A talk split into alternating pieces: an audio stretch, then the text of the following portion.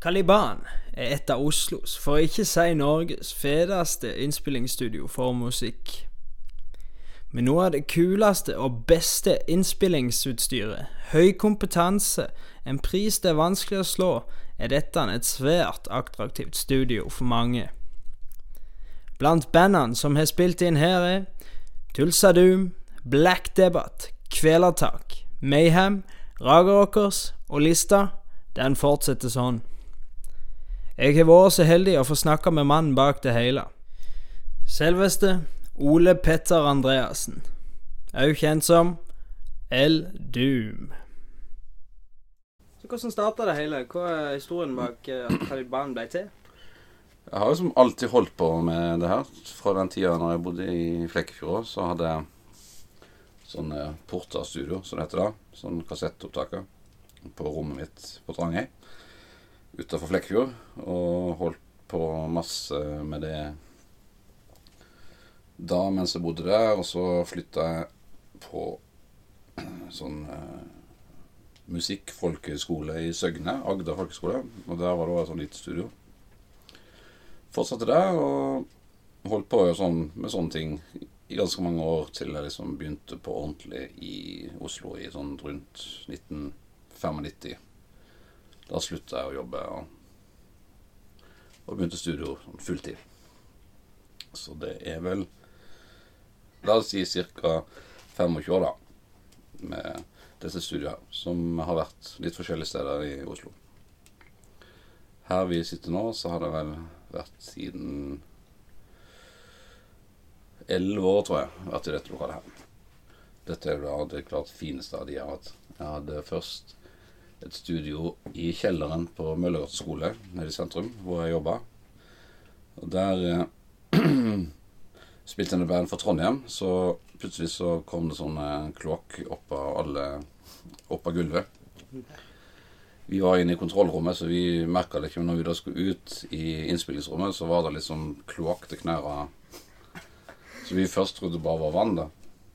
Men så tok han eh, gitaristen i det bandet spilte inn, han tok liksom løfta komboforsterkeren inn, og så snudde han på huet, og så så man liksom at det rant bæsj ut uh, baki. Altså, det er mannskitt! Det er mannskitt! Mm, Så da måtte jeg flytte derfra. Og så flytta jeg til uh, et nytt sted som er ganske nærme her jeg er nå.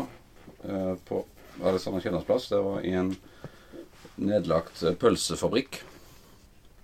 Og det var veldig kult. Det var veldig store rom og, og veldig bra. Men det lukta sjukt pølse der fortsatt. Og jeg fikk, via han vaktmesteren som var der, så fikk jeg kjøpe sånn der eh, likfjerner. Altså en sånn vaskemiddel som de bruker når de har funnet lik i ligget lik i dårlig leilighet for å få vekk lukta.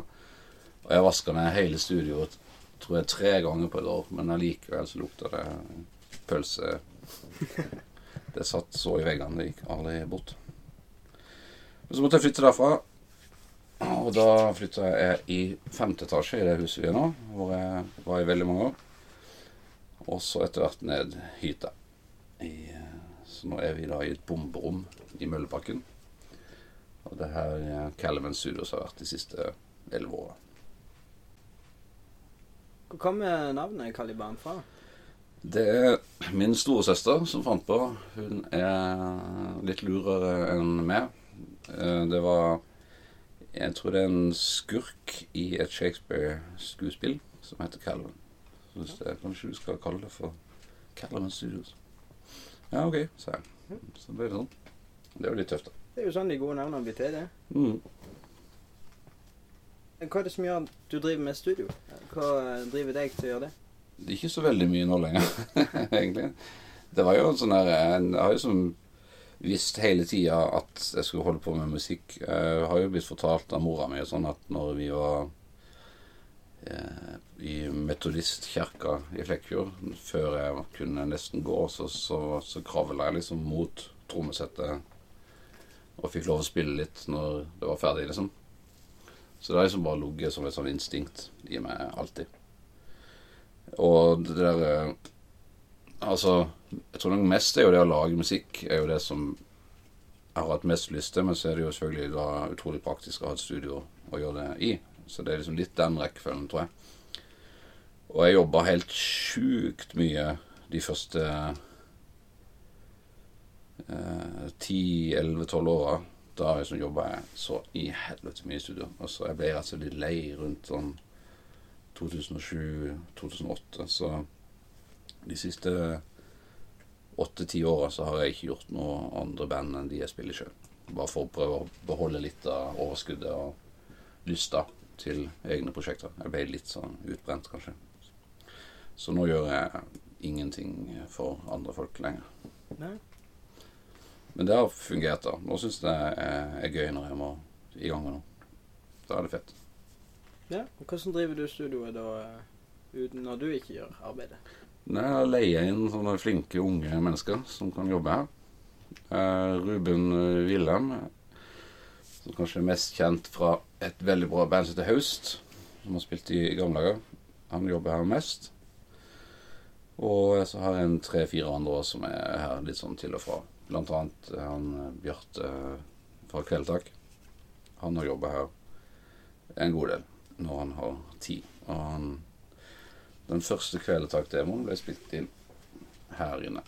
Oh. Og eh, en del av de gjestevokalbidragene på den første Kveldtak-plata ble også spilt inn her. Blant annet Iver Nikolaisen. Så han var her, og så sendte vi filene til USA. Der de spilt inn. Ja, har du noen fete historier fra den tida? Nei, var, da var jeg jo allerede drittlei, så jeg, jeg var ikke med. Jeg var liksom Jeg var kanskje ute og ordna noe, men det var noen andre som tok opp og sånn. Men eh, jeg har jo spilt inn veldig mye ting da. Opp igjennom. Så det har vært veldig allsidig. Fra Mayhem til Rageråkas. Ja. Og ganske mye ting. Jeg hadde sånn der idé når jeg begynte, at for å få masse å gjøre, så skulle jeg være liksom billigst av alle. Helt sånn sjukt billig. Så de første åra så tror jeg 500 kroner dagen. Så da fikk jeg ganske, fikk ganske mye å gjøre. Ja, Det kan jeg tenke meg. Mm. Men samtidig så var det jo masse øh, blakke rockeband på den tida. Det var sånn jeg spilte inn Glucifer. Jeg spilte inn en EP og tre sjutommer sånn med. Og de kom jo hit i første omgang fordi at det var så jævla billig. Og så kom de jo tilbake for de syntes det gikk fint, håper jeg. Så man får jo sånn, litt sånn innpass via å kjøre en sånn politikk. Det var liksom sånn jeg ble kjent med de jeg spiller sammen i, med, i Black Debate. da. For de kom og spilte inn ei plate her. En plass heter jubileumsplate for Ivar Aasen. Og da kom de jo hit fordi det var så billig. Ja. Og så ble vi venner, og så Nå har vi spilt sammen i 20 år i år, faktisk. Vi har jubileum. Så det er ganske lenge. Blir nye jubileumsplater, da? Nei. Vi er litt sånn dårlige på å ta vare på akkurat sånne ting. Vi har liksom Vi har jo da 20-årsjubileum i år for den første plata, Tung Tung Politisk Rock, men det ser ikke ut som vi klarer å få til å feire det på en spesielt god måte. Vi ga jo ut eh, nettopp en ny plate sjøl, så vi må fokusere mer på den enn den eh, jubileumsfeiringa. Vi får se når vi har spilt i 25 år, kanskje vi finner på noe da. Det er godt at planene ligger foran dere, i hvert fall. Ja, ja. Det er jo veldig lurt å gjøre noe ut av sånne jubileer. Det, det merker man jo som band som har spilt jævla lenge, at det er en ting som penger ikke kan kjøpe, så er det historie. At et band har historie. Og det har jo vi absolutt nå, etter så mange år. Og det, det merker man liksom på på booking og honorarer og, og sånn. At man har liksom gjort unna de magre åra litt. Det er veldig kult å merke. Absolutt. Hvordan er det å drive Er det dette du lever av? Studioet og, og bandene på sida, eller hvordan er det? Det er litt sånn blanding av forskjellige ting. Eh, jeg lever absolutt mest av å spille med Black Debate. Og så fører jo det med seg ting. Da spiller jeg jo inn platene våre òg, som jeg jo får betalt for. Og litt sånne ting. Og så Jeg kunne nok hatt en god del mer eh, action i studio, men det er liksom her jeg sitter og fikler med gitarer. Så jeg, egentlig, jeg blir egentlig litt sånn sur når det er opptatt her. Mm. For da har jeg ikke noe sted å sitte og holde på. Så jeg har ikke promotert studio i det hele tatt. Så det er liksom bare sånn word of mouth på de som kommer hit. Egentlig. Men har du, det har jo blitt en, eh, en kultgreie. altså, folk Ja. vil jo i Caliban. Ja, de vil det.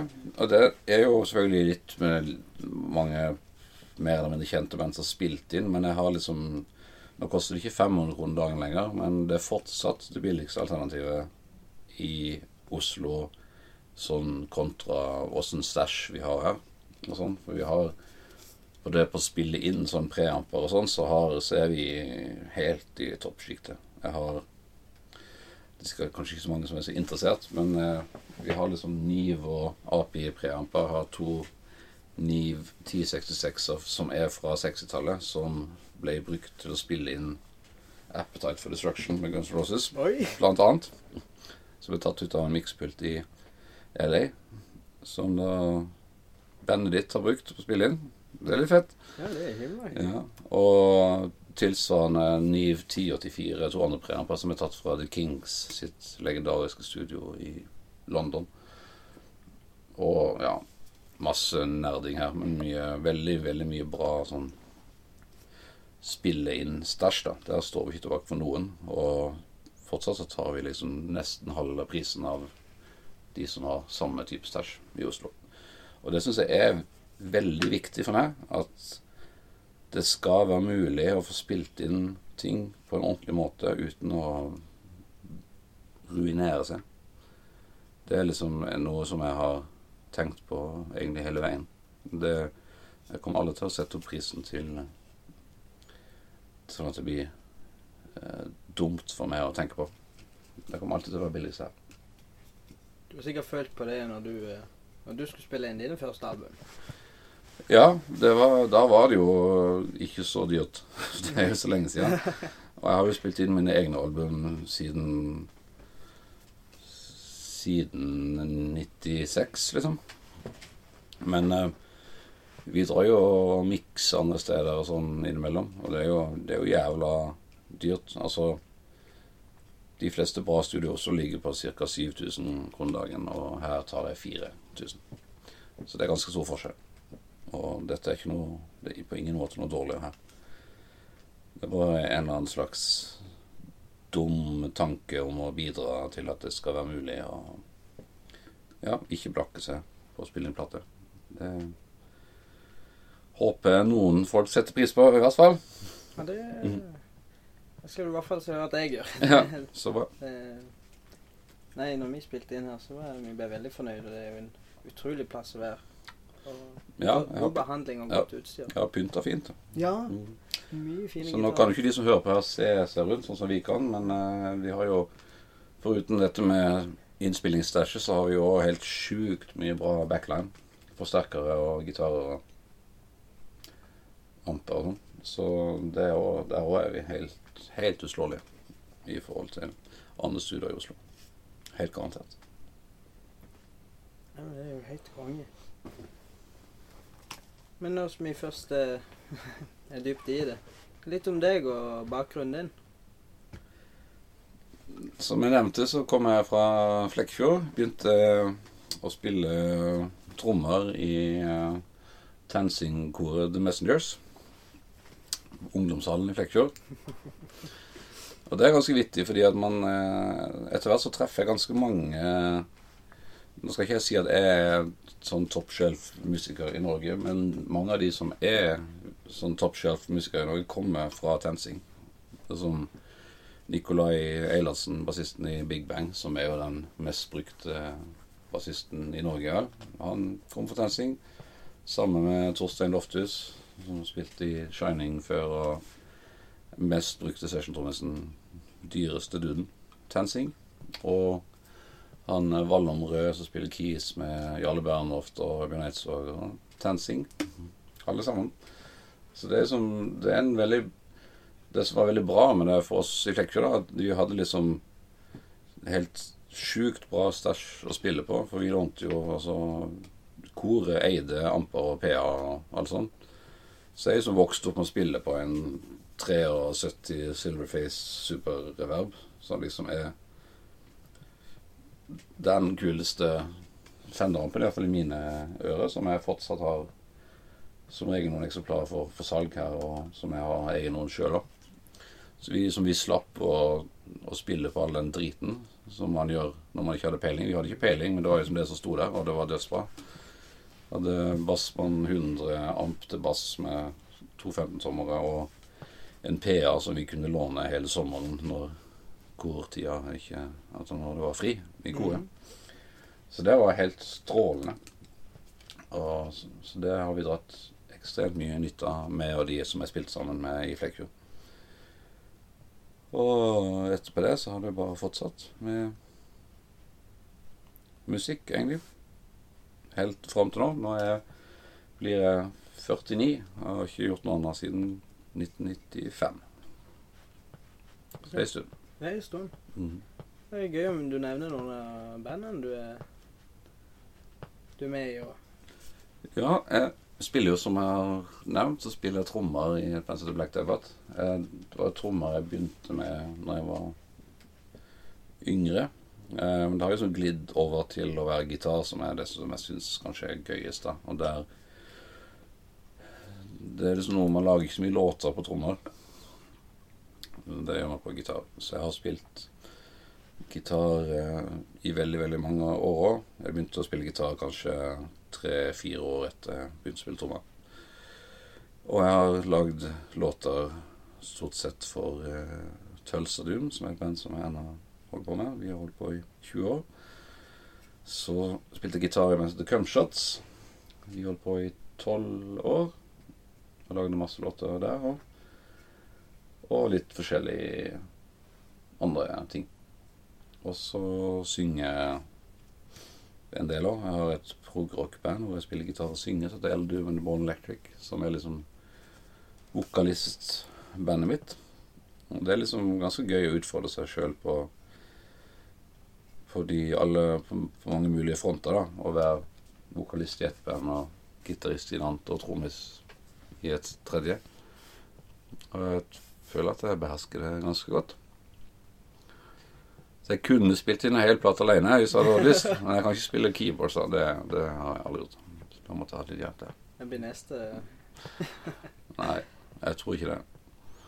Det er som min uh, Jeg er veldig glad i Creedence Clearwater Revival. Det er noe som fulgte meg siden oppveksten. Og han var han John Fogerty, som spiller gitar og synger der, han var på et tidspunkt på 80-tallet Han var så fed up med å spille med andre folk at han han tok fem år pause for å lære seg de tingene han ikke kunne, sånn han kunne drite i å ha folk i band.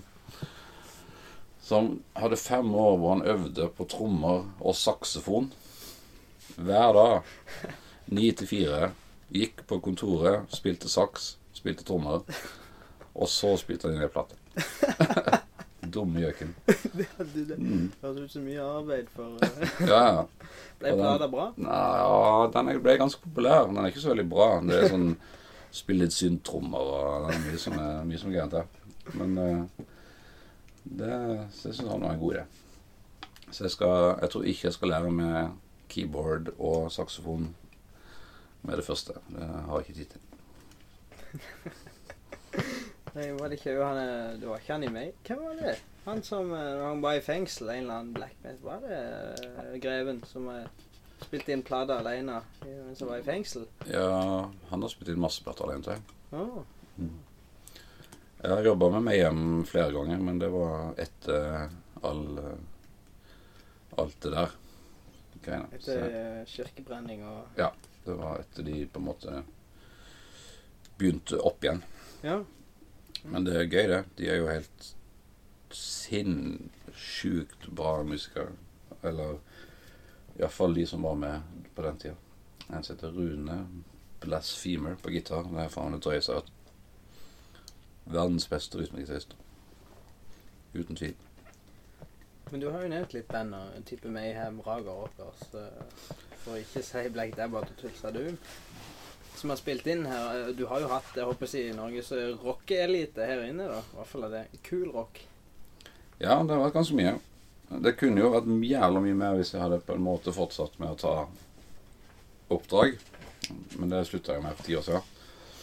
Men det var liksom det siste jeg gjorde, det var en Raga Rockers-plate, blant annet. Og det er jo sånn litt sånn surrealistisk. Da spilte jeg litt gitar òg, faktisk, på den plata. Det er sånn Når jeg Den gangen jeg stagediva og brakk to tær på en Raga-konsert på Folken i Stavanger i 1988 Da hadde jeg ikke trodd jeg skulle en gang spille gitar på ei av platene deres. Så det, er egentlig ganske stas, syns jeg. Det er ikke så jævla bra plate, dessverre. Ja. De hadde liksom en sånn kjempe slags comeback med ei plate som heter Ubermensch. Og det liksom plutselig var, ble ordentlig populær igjen.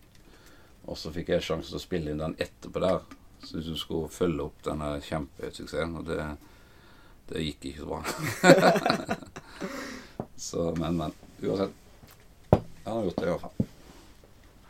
Og andre kjente band, så er det vel egentlig bare de jeg har spilt i sjøl, pluss Mayhem har jeg nevnt, Klusefar har jeg nevnt. Raga Rockers, Bare Egil-band, selvfølgelig, som er jo Han kjenner jeg jo godt etter hvert. Og um, som heter Minor Majority, som er vel kanskje de som har solgt mest av det jeg har spilt inn. Ja, og masse drit. Masse drit òg. Kjempemasse drit. Kjempemasse Ja. Når du tar 500 kroner dagen i studio, da får du ganske mye drit. Det kan jeg se for meg. Ja, fy faen, altså. Åh. Da var jeg litt mer tålmodig enn jeg er nå.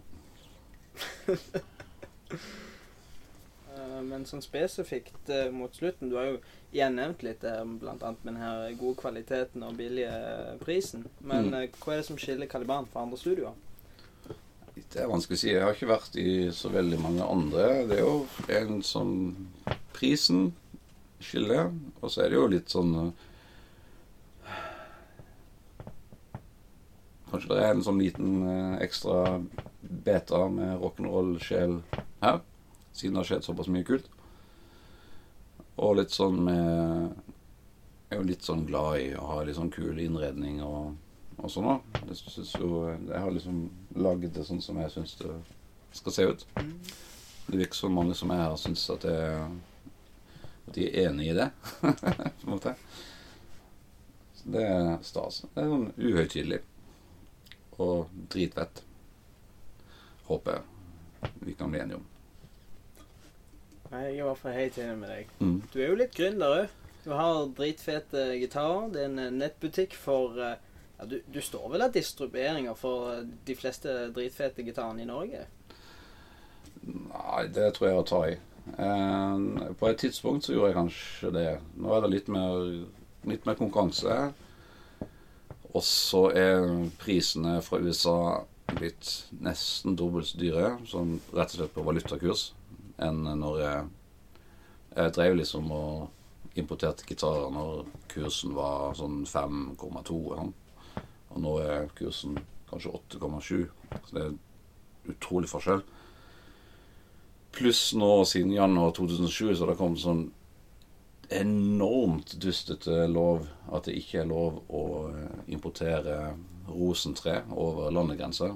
Og rosentre, eller Brazilian rosewood, som det heter, er det som blir mest brukt på sånn På eh, fingerboardet på gitarer. På selve halsen, gripebrettet. Så nå har jeg plutselig en sånn gitar som sitter på et tolvlager i Fredrikstad, som som jeg aldri kommer til å få av en Altså det er kanskje 5% av treverket i hele gitaren er da rosewood på gripebrettet. Og den loven ødelegger jo så mye for eh, gitarindustrien. Nå driver de liksom og prøver å, å lage gripebrett av andre tresorter for å komme rundt lovene, men det blir på en måte For det første blir det ikke det samme. For det andre så er det jo helt idiotisk å forby import av av noe tre som ble hogd for 20 år siden. Altså det er jo, Jeg skjønner jo miljøet og alt det der, men det, de, de sa ja, tre er jo Det har jo vært dødt siden 1978, liksom. De tinga jeg prøver å importere. Det er jo helt fjernt. Man, det går ikke opp et nytt et på grunn av, på grunn av det. Så det ødelegger helt sjukt mye for meg akkurat nå. Så vi får se hvor lenge Hvor lenge det er vits å holde på. Jeg håper kanskje at den loven blir endra snart, for den er først og fremst lagd for å beskytte eh, trærne mot eh, møbelindustrien, da, hvor man liksom har en møbel som er bare rosentre. da, 100% rosentre. Og det skjønner jeg er problematisk, men eh, de må jo vise bitte litt skjønn. Så får satse på at den loven blir oppheva, og så får man satse på at han der idioten i USA klarer å fucke opp skikkelig, sant? sånn at dollaren synker. Og da kan vi snakke god business igjen. Det er godt å høre. Mm. Og eh, du driver òg med øvingslokaler. Ja. Det er jo litt sånn der eh, en Litt sånn samhandling. Det er litt sånn band, bandvirksomhet.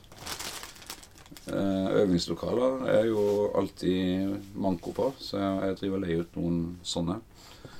Jeg har også prøvd meg på bandtransport, og det har gått helt insane dårlig.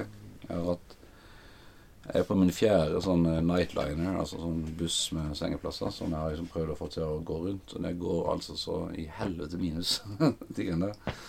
Så nå driver jeg og skal selge den, eh, den som jeg har nå. Så du har en nightliner stående, du. Ja, det har jeg. Hvis noen trenger en russebuss, så si fra. Den er til salgs. Den finner du på Finn, forresten. Hvis du, hvis du vil ha en tolvseters nightliner. For det er så dyrt, det. Det er sånn der eh, Det blir så jævla dyrt når alt er så svært. Det er sånn Skifte kløtsj på en bil koster ca. 6000. og Skifte kløtsj på bussen koster 60 000. Så det Det var en dum idé, Ole Peder. Skulle du aldri begynt med det der nightliner-greiene. Huff a meg. Hva- Du, du leier, leier den ut, da, eller eh, med Ja. sjåfør? Ja da. Det er masse styr. Ikke noe gøy. Det. Det er, det er gøy når man sitter i den sjøl, og den fungerer. Mm. Da er det gøy. Men det, det er ikke så ofte begge de delene skjer samtidig. Ja, er det noe du føler er godt usagt nå om, eh, om Caliban? Noe du eh, Nei. Kan jo litt, kanskje prøve å promotere det bitte litt. Vi har en Facebook-side, som du kan gå inn og se på. Caliban Studios. Der står det litt om stæsjet og litt bilder og sånn. Og så går det an å sende en eh, PM hvis du vil spille inn i Oslo billigste og feteste studio. Så kan du gjøre det. med Oslos hyggeligste menneske. Mhm. Så det Nei, men jeg tror det, det burde være fint, dette, Ole Petter. Ja, flott. Takk skal du ha. Tusen hjertelig takk skal du ha for at du ville være med på dette.